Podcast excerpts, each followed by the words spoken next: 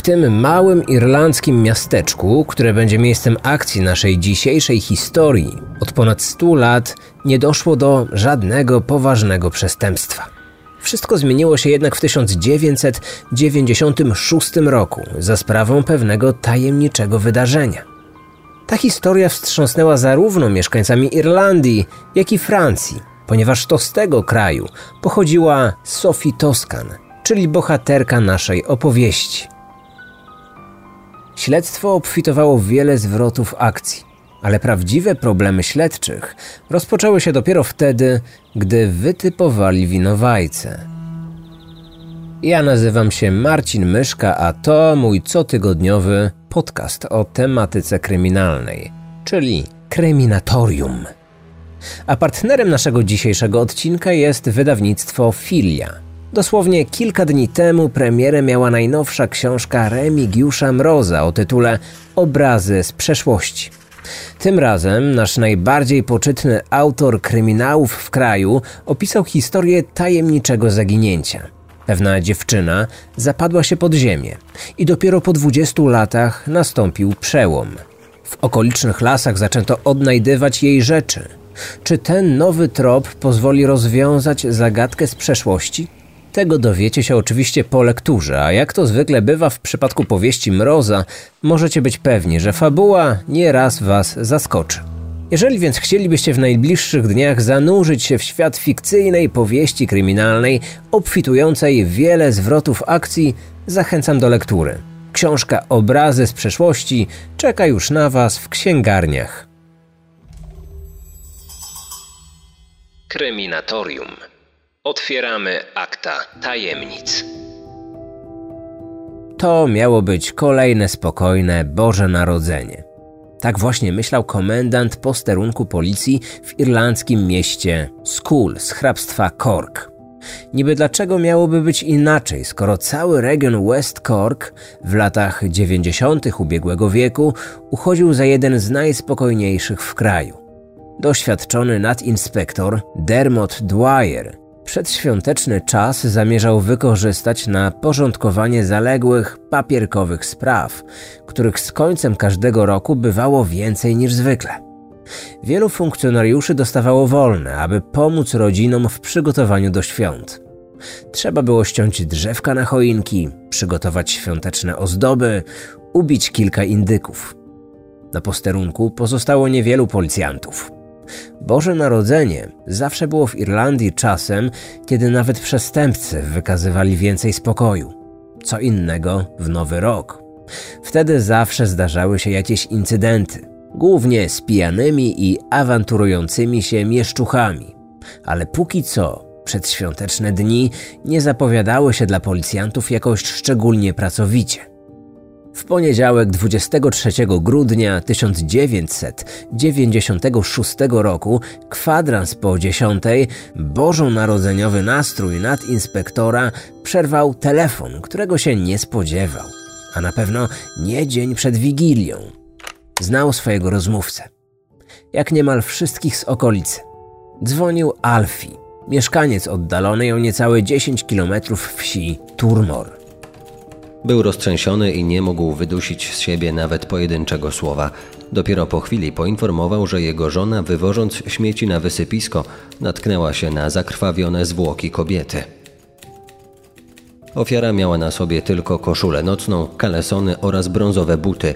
Jej ubrania zaczepione były o drut kolczasty tuż przy bramie wjazdowej na dróżce prowadzącej do dwóch domów. W jednym mieszkał Alfie z żoną, w drugim ich francuska sąsiadka, która przyleciała z Paryża zaledwie trzy dni wcześniej. Choć twarz kobiety była zmasakrowana do tego stopnia, że nie można było jej rozpoznać, Alfie był niemal pewny, że zwłoki należały właśnie do tej francuski. Ten telefon zamroził nadinspektorowi krew w żyłach, choć nie należał on do ludzi wrażliwych. Koledzy z pracy nazywali go nawet irlandzkim Colombo, a w swojej karierze, zanim trafił do skul, zajmował się wieloma zbrodniami i oglądał setki zwłok. Dwyer był wstrząśnięty nie tylko dlatego, że nie spodziewał się, że tuż przed świętami wydarzy się tak straszna tragedia. Miał też zupełnie inny powód. Dobrze znał kryminalną historię tego regionu.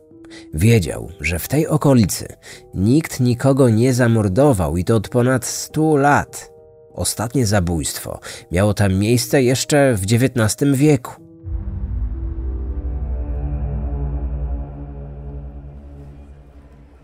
Irlandzkie miasteczko Skull położone jest w południowo-zachodniej części hrabstwa Cork. Liczy zaledwie kilkuset mieszkańców. Wszyscy się tam znają, tworzą niemal rodzinną społeczność. I tak jak przy każdej okazji podkreślają miejscowi, bardzo tolerancyjną społeczność w stosunku do swoich gości. Nic więc dziwnego, że od dawna ta część Irlandii przyciąga wielu z nich. Nasz region uchodzi wręcz za strefę międzynarodową. Od lat przyjeżdżają tu ludzie z całej Europy i osiedlają się u nas na stałe. Wszystkich przyjezdnych nazywamy żartobliwie importowanymi. Jedni są artystami, inni pływają łodziami. Pociągają ich dzikie i surowe krajobrazy, nasz folklor i niemal baśniowy klimat, a przede wszystkim spokój i bezpieczeństwo.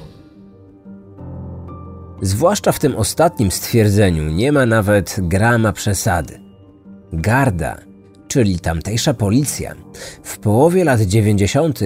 nie miała w zasadzie nic szczególnego do roboty. Ich interwencje ograniczały się jedynie do sporadycznego wypisywania mandatów za przekroczenie prędkości. Może czasami ktoś po cięższym dniu wypił w pubie o jedno piwo za dużo, a później wracając nocą do domu, próbował krzykiem wyrzucić z siebie złe emocje. Zbrodnia to przecież żadna, co najwyżej niegrzeczność i uciążliwość. A jeśli już dochodziło do jakichś awantur, konfliktów czy kradzieży, miejscowi woleli rozwiązywać te problemy między sobą, bez niepotrzebnego angażowania policji. Ktoś komuś pogroził palcem, ktoś się na kogoś obraził, ale po kilku dniach wszyscy i tak się godzili. Później wszystko wracało do normy. Taka idylla przyciągała do skul tych importowanych. W roku 95 obcokrajowcy mieszkali już w co trzecim domu. Anglicy, Norwegowie, Niemcy lub Holendrzy. Niektórzy osiedlili się w skul na stałe. Inni, choć posiadali swoje domy, byli jedynie gośćmi. Pojawiali się co jakiś czas, aby szukać odpoczynku i wytchnienia od wielkomiejskiego życia. Jedną z takich osób była 39-letnia francuska Sophie Toscan du Plontier. Irlandię po raz pierwszy odwiedziła, gdy była jeszcze nastolatką i od razu zakochała się w tym kraju, w jego kulturze, folklorze, a przede wszystkim w mieszkańcach. W dorosłym życiu często wracała do tego kraju i marzyła, żeby kiedyś osiąść tutaj na stałe. Rodowita Paryżanka była żoną Daniela, znanego francuskiego producenta filmowego. Dzięki niemu zaistniała w branży. Zajęła się produkcją filmów dokumentalnych. Dzięki wysokiej pozycji męża w showbiznesie, drzwi ich rodzinnego domu praktycznie się nie zamykały. Niekończące się imprezy i ciągłe spotkania z ludźmi kultury kolacje z politykami, obowiązkowa obecność na premierach czy bankietach. Na początku taki świat imponował Sofii, jednak z czasem kobieta poczuła się tym wszystkim zmęczona. Długo szukała swojej odskoczni. Znalazła ją w Irlandii, a konkretnie w okazałym domu, jaki kupiła w odludnej okolicy niedaleko Skull. Na co dzień prowadziła bardzo aktywny tryb życia, dlatego co jakiś czas potrzebowała chwili odpoczynku. Kilku dni tylko dla siebie, z dala od głośnego świata, którego była częścią. To mogły jej zapewnić tylko chwile spędzone w samotności. W podróżach do Irlandii często towarzyszył jej syn z pierwszego małżeństwa. Gdy z jakiegoś powodu nie mógł jej towarzyszyć, przyjeżdżała sama. Jej małżeństwo z Danielem, choć pozornie idealne, nie było usłane różami. Wrażliwa romantyczka i 16 lat starszy od niej, twardo stąpający po ziemi producent, nie zawsze potrafili się ze sobą zgodzić. O ich kłótniach i zapowiedziach rozwodu wiedzieli tylko członkowie najbliższej rodziny. Podobnie jak o kochanku Sofii, dla którego kobieta zamierzała zostawić męża – Ostatecznie tego nie zrobiła. Jej trwający ponad rok romans zakończył się pod koniec 1996 roku. Sophie wróciła do męża. Postanowiła ratować swoje małżeństwo. Aby to zrobić, potrzebowała świeżych sił. Było tylko jedno miejsce, w którym mogła je odzyskać jej wiejski, irlandzki dom. Swój lot zarezerwowała na 20 grudnia. Nie była pewna, kiedy wróci, więc kupiła dwa bilety powrotne na 23 oraz 24 grudnia. Pewna było tylko jednego, że święta Bożego Narodzenia spędzi w Paryżu z mężem i z synem i że będzie to dla niej początek zmian na lepsze w jej małżeństwie. Początkowo zamierzała spędzić kilka dni w Irlandii w całkowitej samotności. W ostatniej chwili nieoczekiwanie zmieniła jednak zdanie.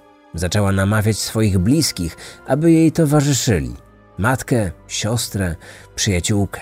Jednak każda z osób, którą Sophie poprosiła o towarzystwo, miała już swoje plany, których nie mogła zmienić. Ostatecznie Paryżanka do samolotu lecącego do Cork z międzylądowaniem w Dublinie wsiadła sama. Tuż przed siedemnastą piła już herbatę w swoim wiejskim domu. Na zewnątrz panował mrok, więc Sophie znów mogła zobaczyć za oknem światło swojej ulubionej latarni morskiej, za którą będąc w Paryżu tęskniła najbardziej. Trzy dni później, z nad jej zmasakrowanym martwym ciałem, stał inspektor Dwyer.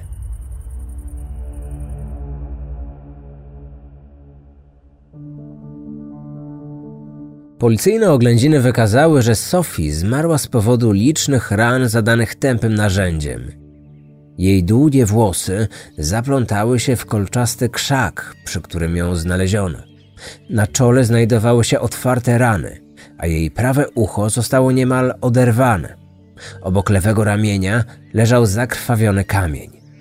Między zwłokami a ogrodzeniem z drutu kolczastego leżał zakrwawiony betonowy pustak.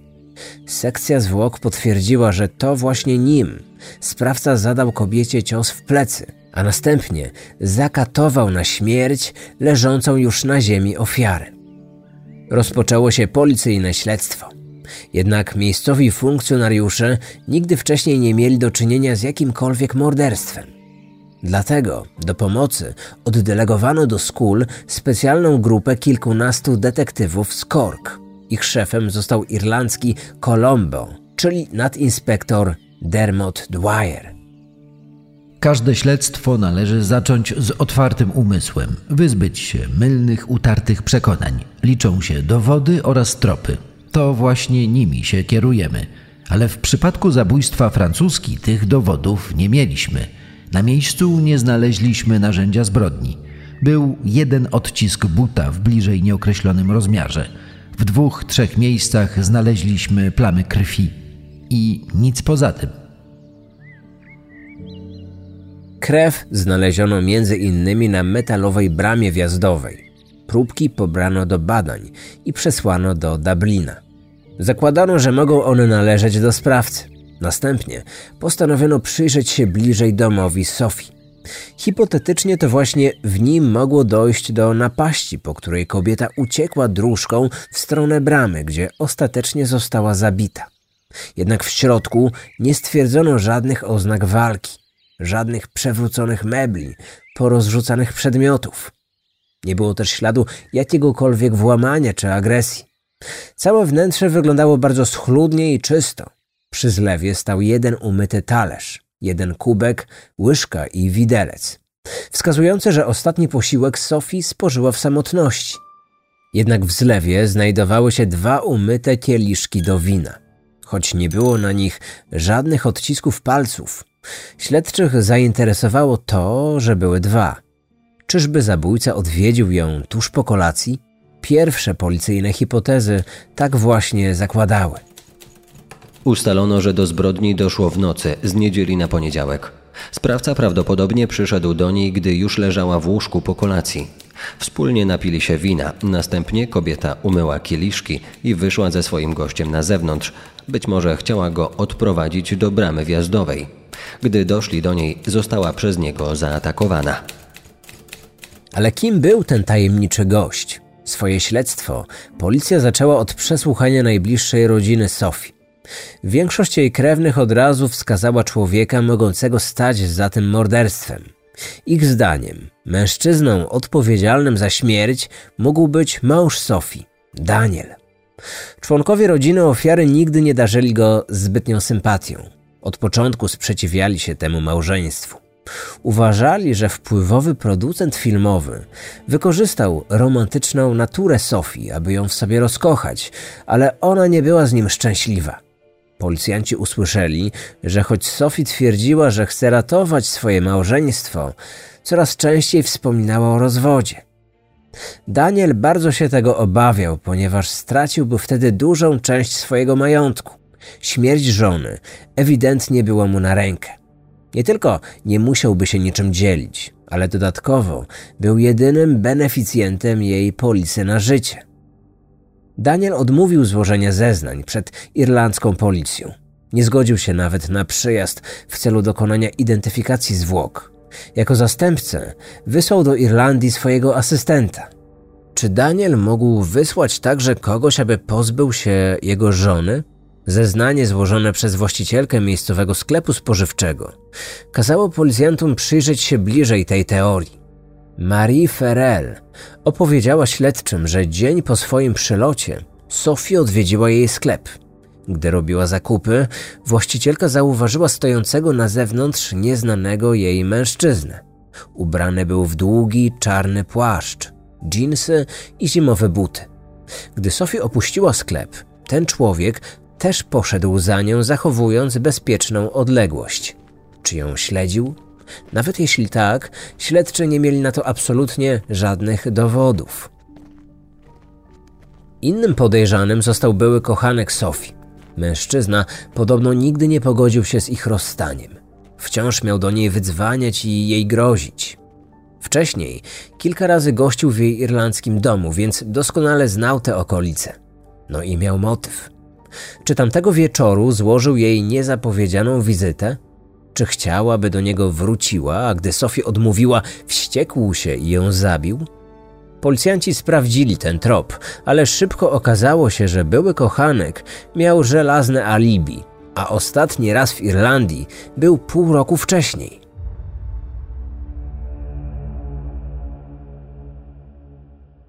Choć francuski trop wydawał się policjantom bardzo prawdopodobny, upadł jeszcze szybciej niż się pojawił. Wtedy śledztwo brało zupełnie inny kierunek. Jeżeli sprawca nie pochodził z innego kraju, to musiał nim być ktoś miejscowy. Ktoś, kto doskonale znał okolice i wiedział, gdzie dokładnie znajduje się dom Sofii. Położony był w odludnej okolicy, blisko 10 km od Skul. Tym bardziej, że nawet niektórzy policjanci mieli na początku problem z dotarciem do tego miejsca. Ważnej wskazówki śledczym dostarczyła asystentka zamordowanej Francuski. Zeznała ona, że krótko przed swoim wyjazdem Sophie wspominała jej o pewnym człowieku, z którym była umówiona w Irlandii. Co prawda nie zdradziła jego nazwiska, ale określiła go jako miejscowego dziennikarza, pisarza i poetę, z którym łączyła ją dość bliska relacja. Sophie była zafascynowana jego wierszami, które zamierzała wydać we Francji. Policjanci niemal od razu domyślili się, o kogo mogło chodzić. Jeszcze raz wezwali na przesłuchanie Marii Farrell, po czym zapytali, czy człowiekiem w czarnym płaszczu mógł być miejscowy dziennikarz Ian Bailey. Choć wcześniej kobieta twierdziła, że nie znała tego mężczyzny, tym razem stanowczo powiedziała, że tak, że to na pewno był on. Był Anglikiem, mieszkał u nas od kilku lat i pisał artykuły do kilku miejscowych dzienników. Niewiele osób go lubiło. Prawdę mówiąc, chyba wszystkim działał na nerwy. Był narcyzem przeświadczonym o własnej wyższości. Miejscowych traktował jak zacofanych wieśniaków, a przyjezdnych nazywał bandą niespełnionych artystów i ćpunów. Nadinspektor Dwyer postanowił sprawdzić Baileya. Tym bardziej, że od czasu morderstwa napisał on kilka artykułów zawierających dość istotne szczegóły, o których policja nie informowała dziennikarzy. Osoba Anglika szybko zaczęła budzić wątpliwości śledczych. Ian Bailey był pierwszym dziennikarzem, który pojawił się na miejscu zbrodni. Policja poinformowała o tym media dokładnie o 14. Anglik twierdził, że dowiedział się o zbrodni 20 minut wcześniej od innego dziennikarza. Eddie Cassidy z redakcji Cork Examiner potwierdził to podczas przesłuchania. Jednak nie powiedział Bale'owi, że ofiara pochodziła z Francji, mówił tylko, że pochodziła z zagranicy. Po prostu tyle tylko wiedział od swojego policyjnego informatora. W kosmopolitycznym West Cork mieszkało bardzo wielu cudzoziemców, a mimo to Bailey pojechał prosto na miejsce zbrodni do domu Sophie. Jeszcze dziwniejsze okazało się zeznanie znajomej dziennikarza. Kobieta, dokładnie za kwadrans dwunasta, odebrała od Iena telefon. Bailey poinformował ją, że nie może przyjechać do niej na umówione spotkanie, ponieważ doszło do morderstwa i musi się zająć tą sprawą. Na pytanie, kto jest ofiarą, odpowiedział, że podobno jakaś francuska. 15 minut wcześniej z tą samą informacją zadzwonił do swojego kolegi, któremu obiecał przywieźć ubitego indyka na świąteczny obiad. Na tym nie kończyły się dziwne zeznania miejscowych. 45 minut po tym, jak policja została poinformowana o odkryciu ciała, dziewczyna Bayleya odwiedziła swoich znajomych w jednej z pobliskich wsi. Gdy zapytano ją o Iena, odpowiedziała, że przez kilka następnych dni będzie bardzo zajęty, ponieważ bada popełnione właśnie morderstwo. Tad inspektor Dwyer doszedł do wniosku, że w tym czasie o popełnieniu morderstwa mógł wiedzieć jedynie sam sprawca. Ian Bailey z reportera stał się więc głównym podejrzanym.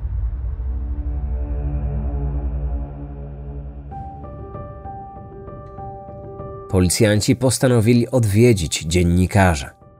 Podczas rozmowy z nim zauważyli, że jego przedramiona oraz obie dłonie były świeżo poranione. Eksperci, którzy badali wcześniej ciało, uznali, że sprawca także musiał odnieść rany, ponieważ krzaki, w których leżało ciało, miały długie i ostre kolce. Anglik twierdził jednak, że jego zadrapania powstały jak ścinał choinkę.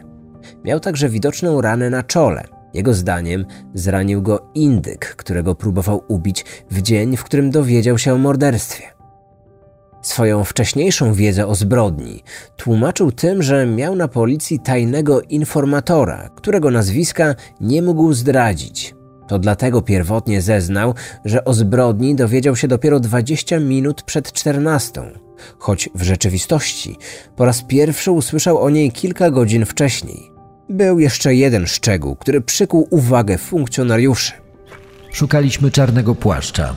Za jego domem znaleźliśmy ślady po wielkim ognisku, szerokie na blisko dwa metry. Zaczęliśmy przekopywać popioły, by zobaczyć, co ocalało z płomieni. Wydobyliśmy z nich pozostałości odzieży, guziki od płaszcza, strzępy dżinsów, a nawet zimowe buty. Spalił w ognisku ubrania podobne do tych, które zdaniem świadka nosił mężczyzna śledzący francuskę. Choć detektyw był już niemal pewny, że mordercą jest angielski dziennikarz, aby go aresztować, potrzebował dowodów, albo przynajmniej wiarygodnego świadka, który widziałby go w pobliżu miejsca zbrodni. 11 stycznia przyszedł nieoczekiwany przełom w tej sprawie. W tym dniu na posterunek policji zadzwoniła z budki telefonicznej kobieta. Przedstawiła się jako Fiona. Twierdziła, że w noc morderstwa widziała tajemniczego mężczyznę. Stał na moście Calfeda, niedaleko domu Sofii. Miał na sobie długi, ciemny płaszcz i sprawiał wrażenie mocno pijanego. To mógł być ważny świadek, którego policja potrzebowała. Śledczy próbowali namierzyć kobietę, prosząc ją przez media o ujawnienie się. Kilka dni później Fiona zadzwoniła ponownie. Twierdziła, że nie może się zgłosić na posterunek, ponieważ tamtej nocy była z innym mężczyzną i gdyby prawda o tym wyszła na jaw, to mogłoby zagrozić jej małżeństwu. Trzeci raz zadzwoniła 24 stycznia. Tym razem ze swojego domowego telefonu. Policja szybko namierzyła jej adres. Okazało się, że tą tajemniczą Fioną była znana już policjantom Marie Ferrell.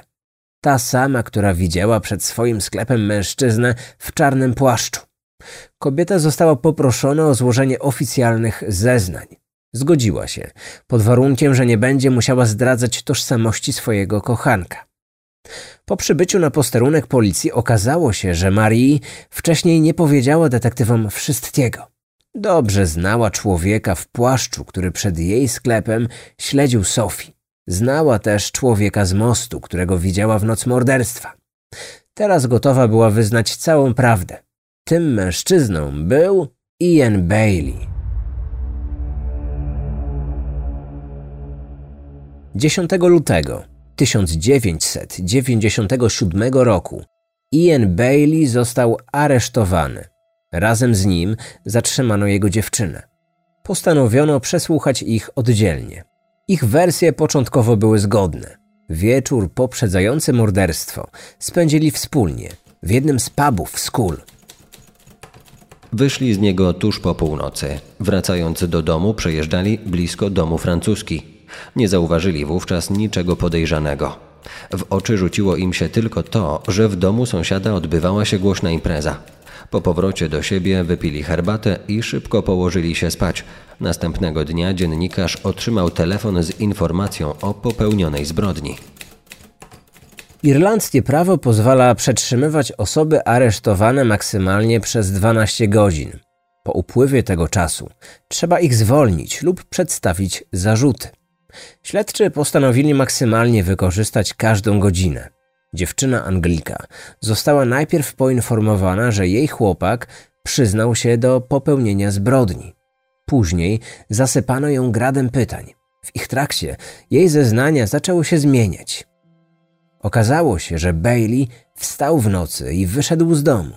Nie było go kilka godzin, a gdy wrócił nad ranem, na swoich ramionach i dłoniach miał zadrapania, których nie zauważyła poprzedniego dnia.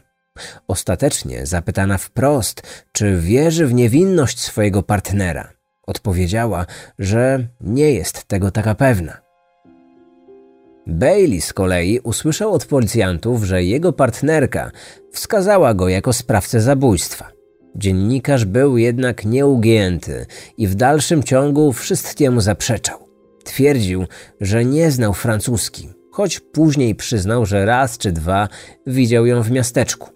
Choć pisał wiersze, nigdy nie umawiał się z Sophie na wydanie jego poezji we Francji. Przypomniał sobie co prawda, że jednak wstawał w nocy, ale nie po to, aby dokonać zabójstwa, ale po to, aby popracować w swoim gabinecie. Do rana miał pisać zaległy artykuł do miejscowego dziennika. Zanim ponownie położył się do łóżka, postanowił ściąć choinkę. To wtedy pokaleczył dłonie i ramiona. W Irlandii, aby postawić komuś zarzuty, potrzebne są niepodważalne dowody. Nasze prawo odrzuca możliwość dopuszczenia jakichkolwiek poszlak w trakcie procesu, nawet gdyby jednogłośnie wskazywały czyjąś winę. A my takich dowodów nie mieliśmy. Po upływie 12 godzin musieliśmy ich wypuścić do domu. Bailey miał swoje własne wytłumaczenie na każdą policyjną wątpliwość. Nie zawsze jego wersja wydarzeń trzymała się kupy, ale śledczy nie mogli udowodnić, że nie było tak jak mówił. Krew znaleziona na miejscu zbrodni należała do ofiary. Na jej ciele nie znaleziono śladów DNA sprawcy. Marie twierdziła, że widziała go w pobliżu domu ofiary, ale nawet gdyby faktycznie tam był, to nie czyniło z niego od razu mordercy.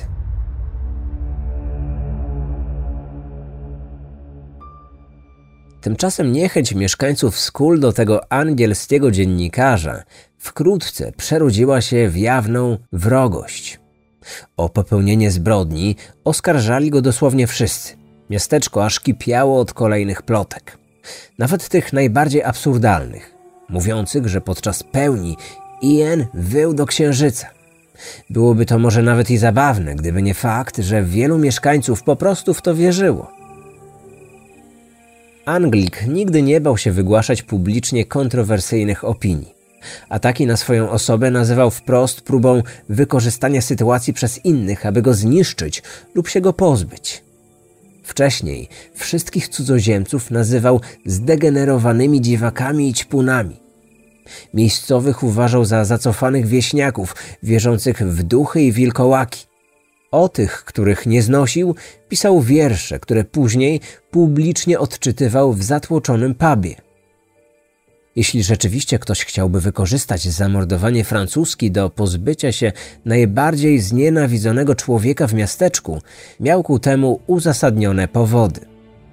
W pewnym momencie na policję zaczęli się zgłaszać kolejni świadkowie. I to tacy, którzy przysięgali, że Anglik do popełnienia tej makabrycznej zbrodni się przyznał.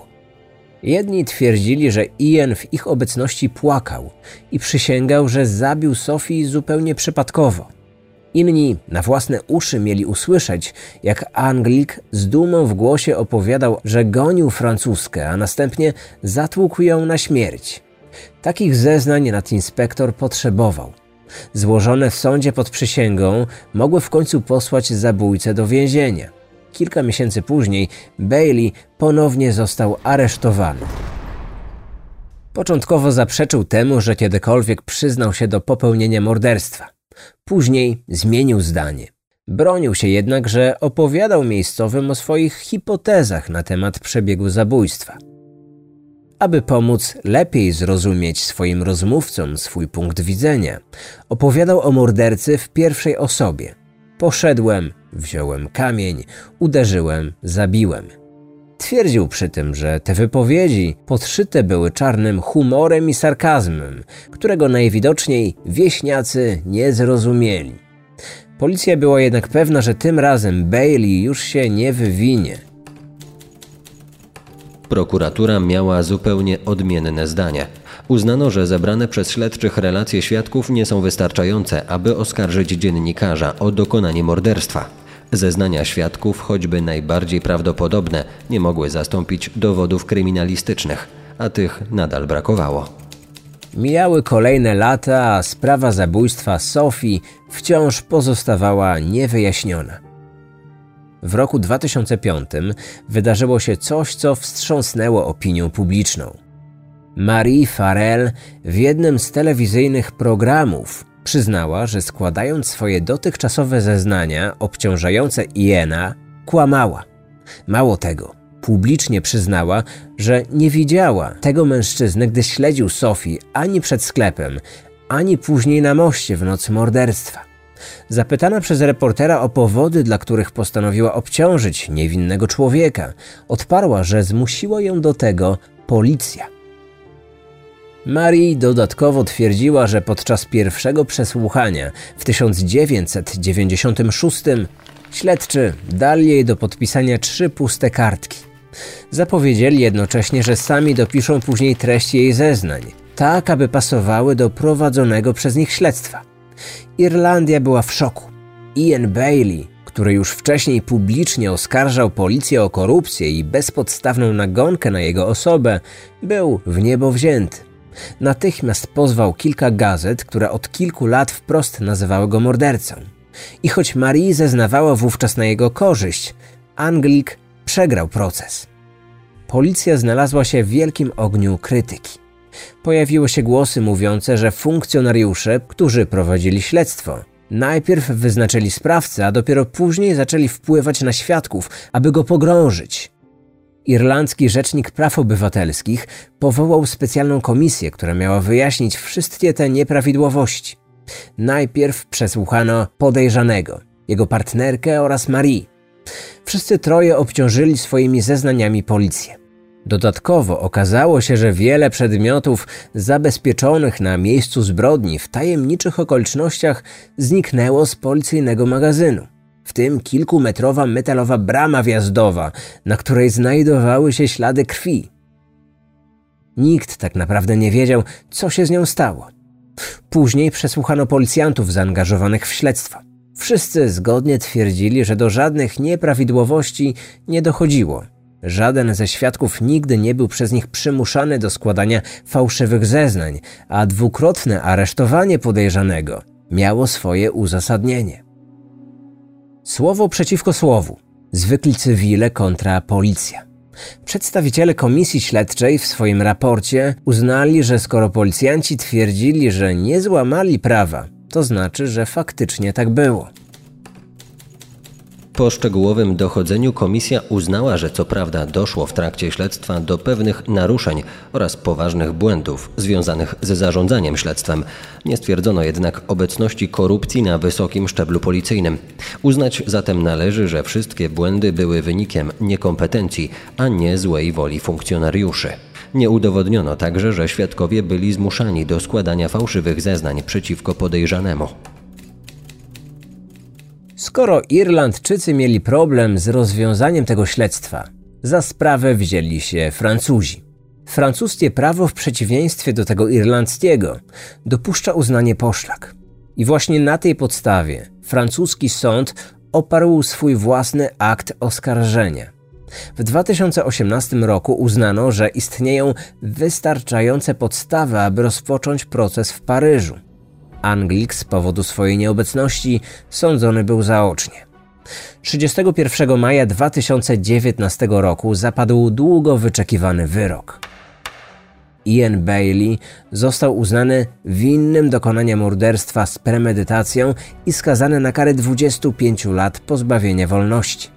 Od tego momentu angielski dziennikarz jest ścigany międzynarodowym listem gończym. Rodzina Sofii była zadowolona z takiego rozstrzygnięcia.